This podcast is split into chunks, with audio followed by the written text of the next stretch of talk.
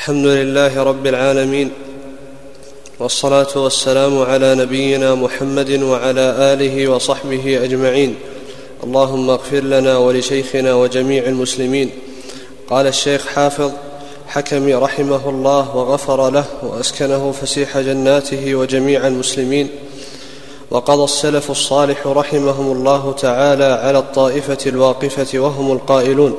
لا نقول القرآن مخلوق ولا غير مخلوق بأن من كان منهم يحسن الكلام فهو جهمي ومن لم يحسن, ومن لم يحسن الكلام منهم بل علم أنه ك بل علم أنه كان جاهلا جهلا بسيطا فهو تقام عليه الحجة بالبيان والبرهان فإن تاب وآمن أنه كلام الله وإلا فهو شر من الجهمية.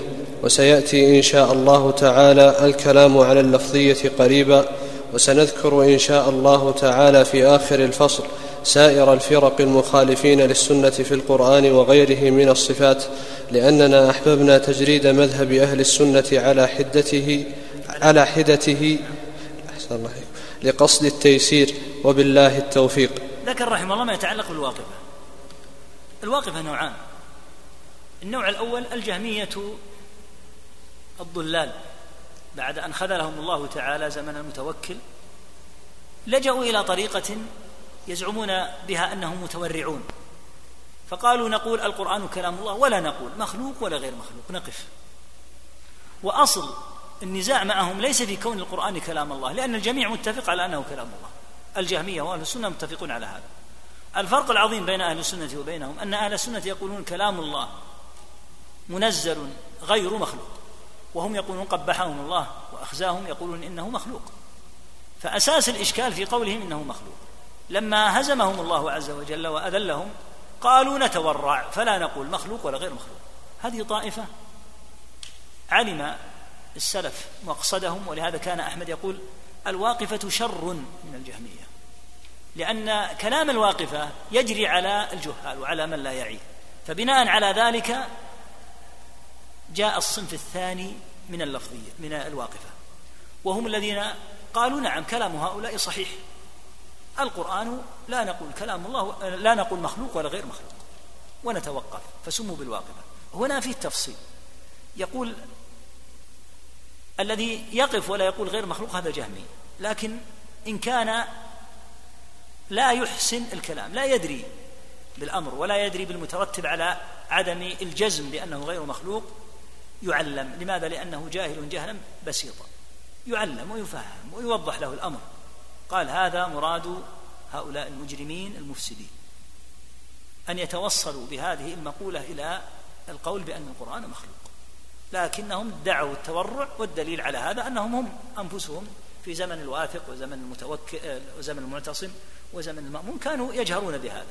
فلما غلبوا قالوا نقف. لا نقول مخلوق ولا غير مخلوق. وكيف يتوقف في القرآن أنه غير مخلوق؟ نسأل الله العافية والسلام. القرآن من كلام الله وكلام الله صفة من صفاته. جميع صفات الله عز وجل غير مخلوقة.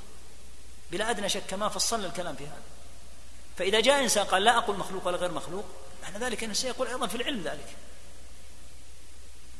صفات الله كلها غير مخلوقة. ومن قال إنها مخلوقة فإنه يكفر. ومن قال لا أقول مخلوق ولا غير مخلوق يعلم. إن كان جاهلا ويبين له خطر هذه المقولة.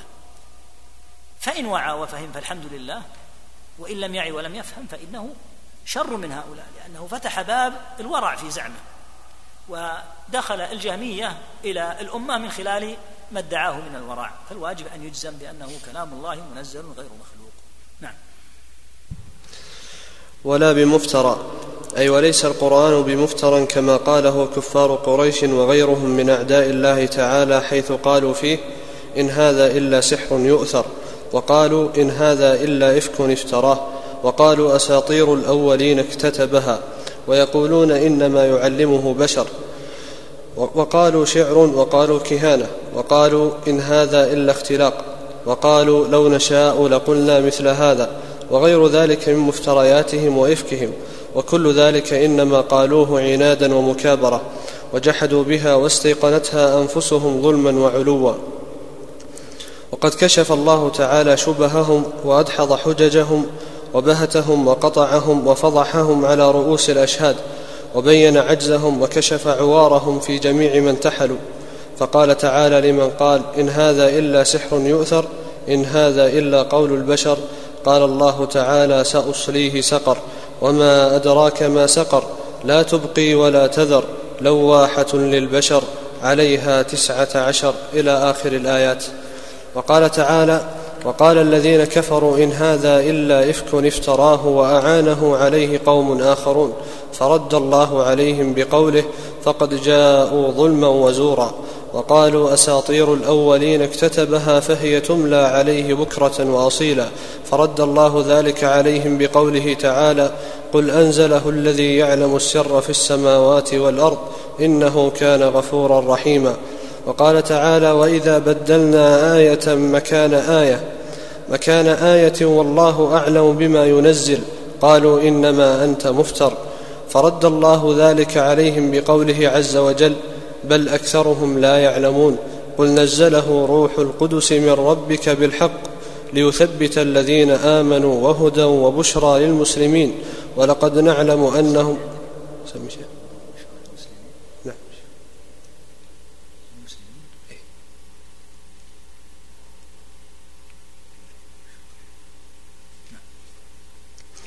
ولقد نعلم أنهم يقولون إنما يعلمه بشر.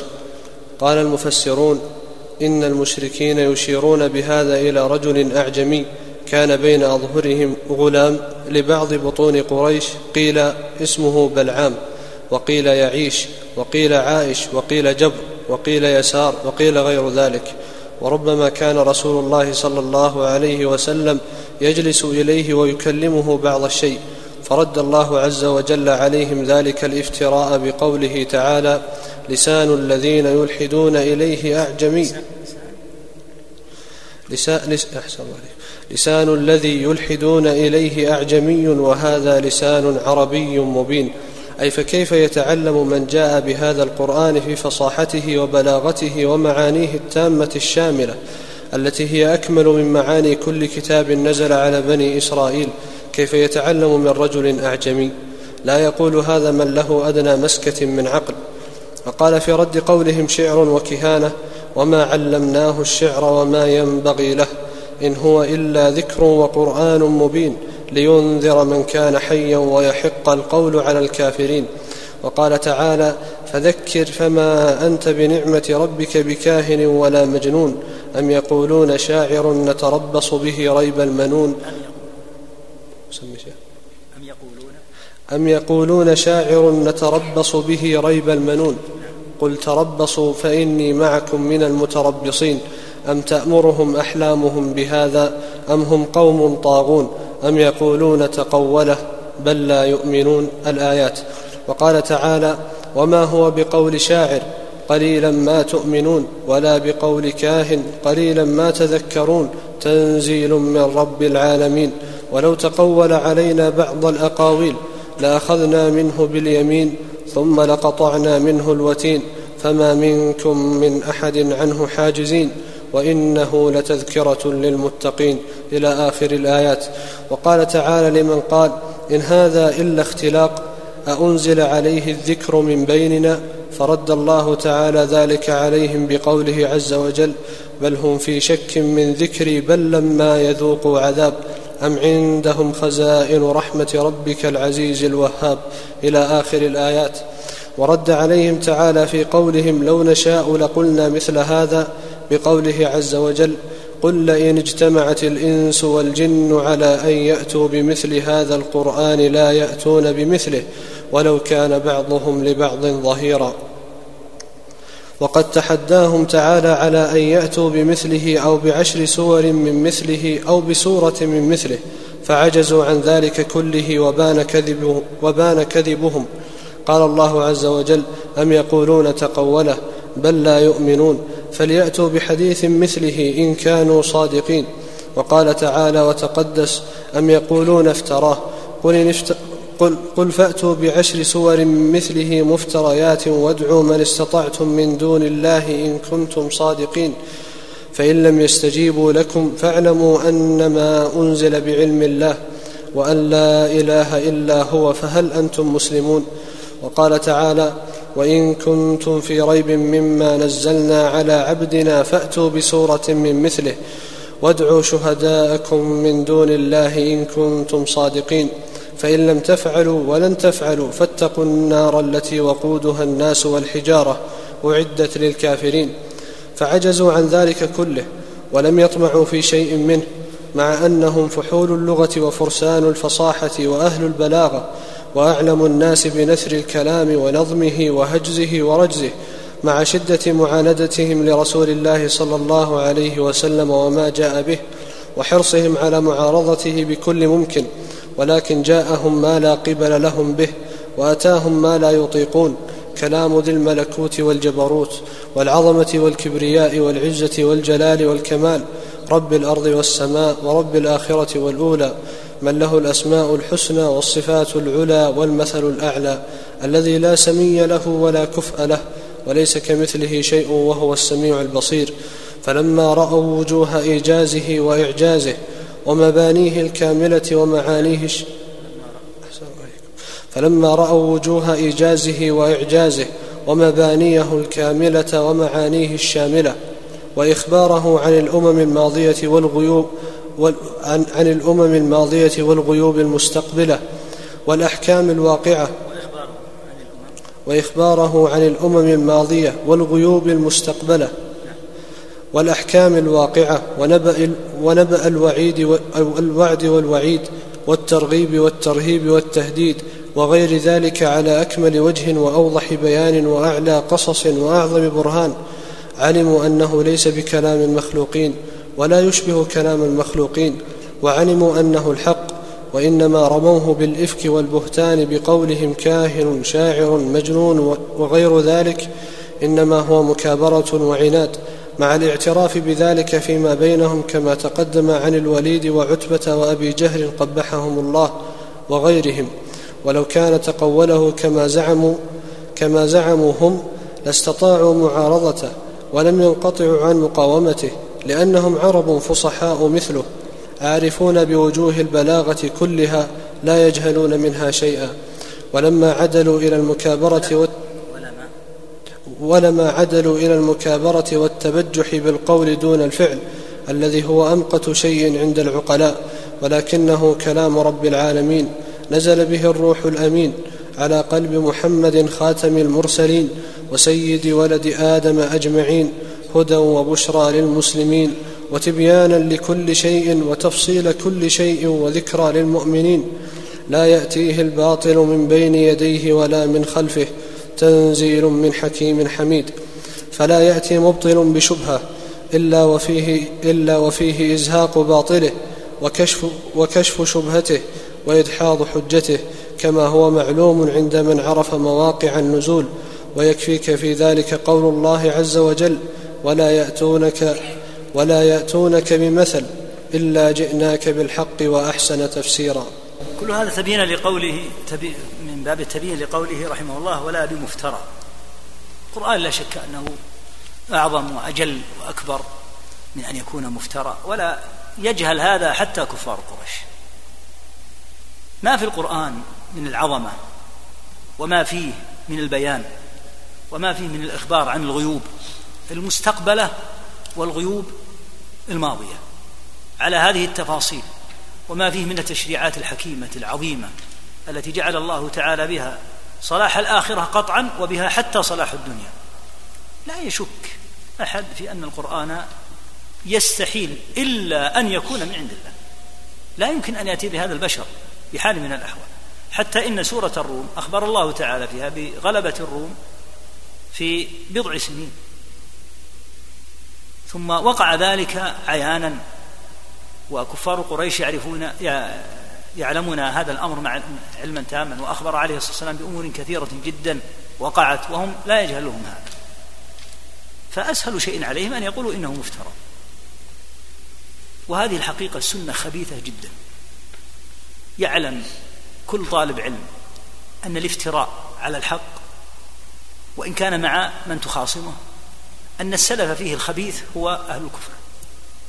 لأنهم حين عجزوا عن القرآن أمام هذه الوجوه العظيمة ما وجدوا حيلة إلا أن يقولوا إنه مفترى. فقال الله تعالى فأتوا فليأتوا بحديث مثله. أنت تقول إنه مفترى؟ الافتراء أسهل شيء أن يفترى. إذا كذب أحد تستطيع أن تكذب مباشرة تكذيبا مباشرة. فعجزوا. أمرهم الله أن يأتوا بعشر سور. عجزوا. أمرهم الله أن يأتوا بسورة من مثله. فعجزوا. الافتراء أرخص شيء وأسهل شيء. فإذا كان مفترا فلما عجزتم عنه. وأنتم أهل الفصاحة وأهل البيان وأهل الشعر والمعرفة التامة به. لكن هكذا الخصم الذي لا يتقي الله. يريد أن يسقط خصمه بالافتراء والكذب. ولهذا أدحض الله تعالى شبههم. وتأتيك عجائب من أدلتهم. مثل أدلة أهل البدع والضلال. رجل أعجمي ربما جلس النبي صلى الله عليه وسلم عنده فقالوا إن محمدا حاشا صلوات الله وسلامه عليه تعلم هذا القرآن العظيم الفصيح من هذا الرجل الأعجمي فقال عز وجل لسان الذي يلحدون إليه أعجمي. يعني هذا الرجل الذي يتحدث لسانه ولغته أعجمية. وهذا لسان عربي مبين. فكيف يأتي الأعجمي بكلام عربي مبين تعجزون عنه أنتم أيها الفصحاء؟ إلى غير ذلك مما افتروه وتقسموه قبحهم الله. فمنهم من يقول إنه سحر ومنهم من يقول إنه شعر ومنهم من يقول إنه كهانة. وهذه هي حيلة العاجز. لأنهم حين عجزوا عن أن يأتوا بمثله وانتشر الإسلام فيهم وصار الواحد منهم يسلم ابنه وتسلم زوجته أجلبوا بخيلهم ورجلهم حتى يصدوا الناس عن هذا القرآن العظيم وعن هذا النبي الكريم صلوات الله وسلامه عليه.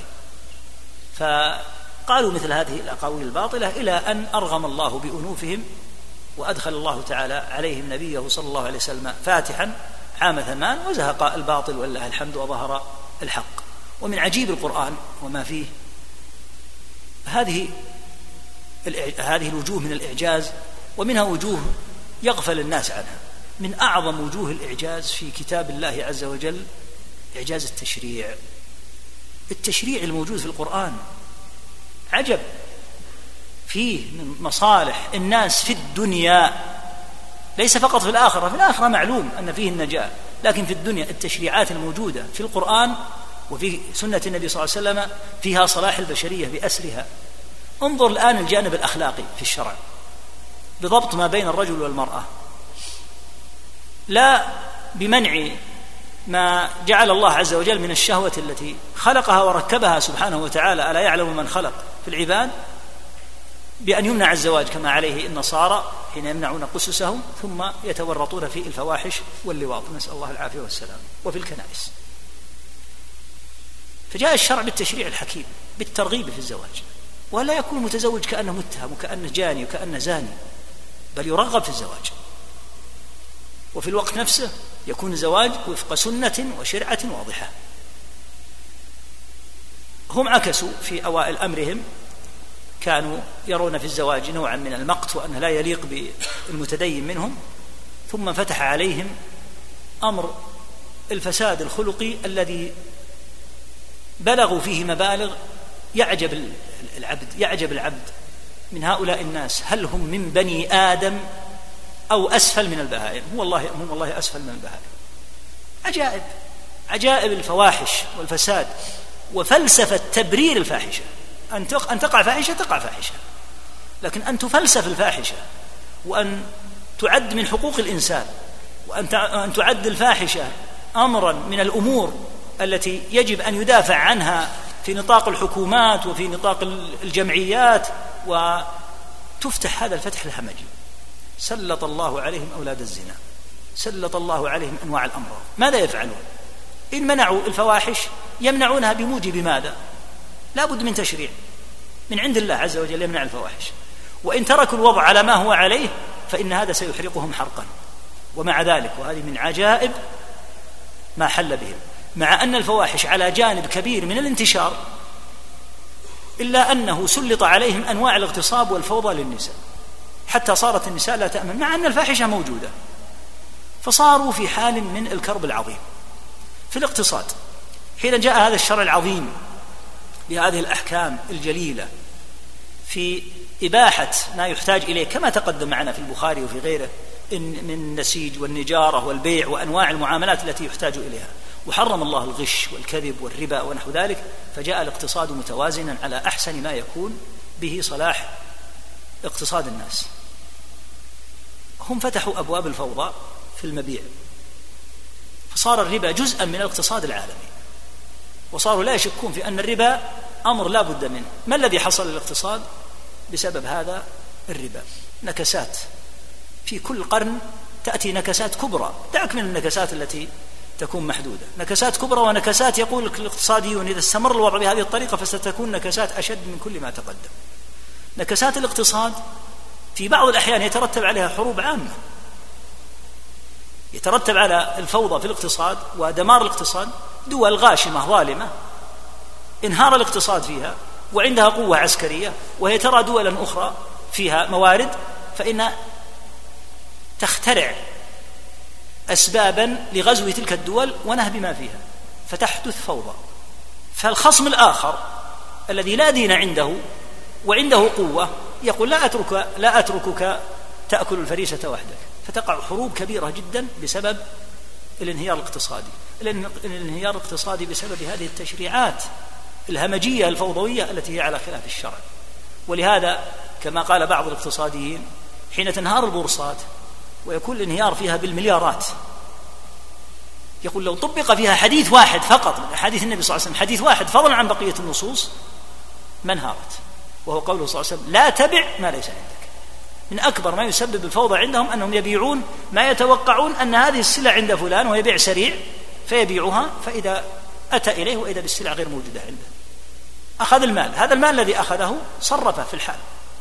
يرجع الخصم الأول على الثاني على الثالث بهذه البيعات فينهار عدد كبير من الاقتصاديين وتنهار الدول هذه مرتبط الاقتصاد باقتصاديات مؤسسات وأفراد أيضا. فيترتب على هذا انهيار. لأجل ترك حديث واحد. الآن على مستوى العالم كلما حصل فيه كساد وحصل فيه شيء من آه، الانعكاس الشديد للاقتصاد على حياة الناس قالوا ننزل الفائدة مثلا نصف في المئة. فينتعش السوق. إذا لو ألغيت ما تسميه فائدة ماذا يحدث؟ لو ألغيت هذا الشر وهو الربا ماذا يحدث؟ يحدث انتعاش عام لعموم الناس والذي يتضرر هم المحتالون أكالوا الربا وهم محدودون جدا في العالم. وهكذا أنواع من التشريعات الحكيمة التي بها سلامة الناس في دينهم وفي أعراضهم وفي دنياهم. فهذه من إعجاز القرآن كما أن من إعجازه هذا النظم العظيم الذي عجز عنه فصحاء العرب. فالحاصل أن الافتراء على القرآن وعلى نبي الرحمة صلوات الله وسلامه عليه هذا فعل العاجز.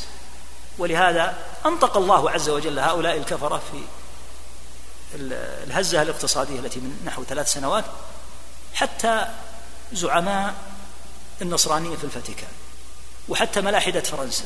كلهم قالوا لا بد من الاستفادة من الاقتصاد الإسلامي لأن الله جعل فيه ضمانات سبحان الله العظيم.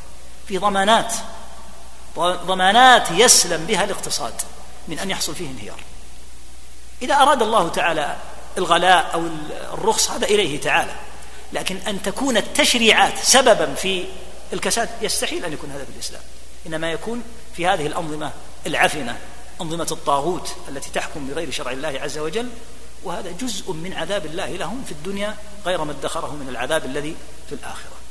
فهذه المعارضات القرآن سواء من كفار قريش أو المعارضات التي يقولها أهل الإلحاد والزندقة والفجور والفساد ومن تكلموا عن المرأة وحقوق المرأة ماذا فعلت؟ الفوضى بالمرأة في الغرب. ماذا حصل؟ ما الذي حل؟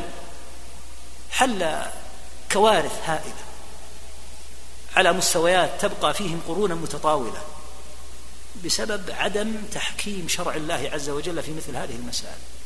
استقلال البشر بالتشريع في مثل هذه المسائل أمر محال. مستحيل أن يعرفوا مصالحهم. قال تعالى ألا يعلم من خلق؟ وهو اللطيف الخبير. فالحاصل هذه الكلمات التي سمعناها من كفار قريش وذكرها الله وردها عليهم. وهذا الذي الآن يقال عن دين الله عز وجل وعن أهل السنة والجماعة أو عن الإسلام من أنه دين لا يرعى حرمة النفس البشرية ولا يمكن أن يكون فيه للنفوس ثمن وإنما هو إزهاق الأرواح وسفك للدماء. يقال يا أعداء الله. أنتم لكم قرون متطاولة تعيشون بين المسلمين. لولا أن الله جعل أحكاما لغير المسلمين داخل البلاد الإسلامية ما بقي هؤلاء النصارى واليهود داخل بلاد المسلمين؟ ولا أبيدوا إبادة تامة. ثم يقال لو وضعت مقارنة يسيرة بينما وقع من قتل المسلمين للكفار وقتل الكفار للمسلمين ما فعله المحتلون من البريطانيين والفرنسيين والإيطاليين والبرتغال وغيرهم بالمسلمين في مئة سنة فقط. لو وضعت مقارنة لوجدت أن أعداد من قتل من المسلمين على أيديهم بالملايين ومن قتل من الكفار على يد المسلمين وجدتهم الأقل. وأيضا كثير من قتل الكفار على يد أوباش وخوارج ولا يقتلون بحكم الشرع. أما هم فيقتلون بحكم البرلمانات والأنظمة والحكومات التي تشن الحروب. فرق كبير جدا. فالشرع أتى ليكون رحمة للعالمين.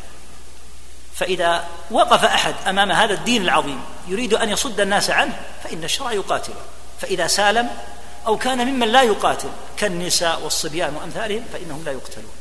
فهو دين رحمة وإن أرادوا أن يجعلوه دين عذاب. يعجزون عن ذلك. إنما تكون العقوبة في موضعها لأهلها. أما في أصله فهو رحمة للعالمين بلا شك. وهكذا أمور مما يفترى على دين الله عز وجل وعلى نبي الرحمة صلى الله عليه وسلم وعلى مناج أهل السنة والجماعة وعلى أئمة السنة كأحمد وابن تيمية وابن عبد الوهاب. كل هذا الحقيقة أنه في سياق واحد. هو سياق لتغيير الحقيقة عما هي عليه وبهت الحق وحملته بالباطل. والله متم نوره ولو كره الكافر. بارك الله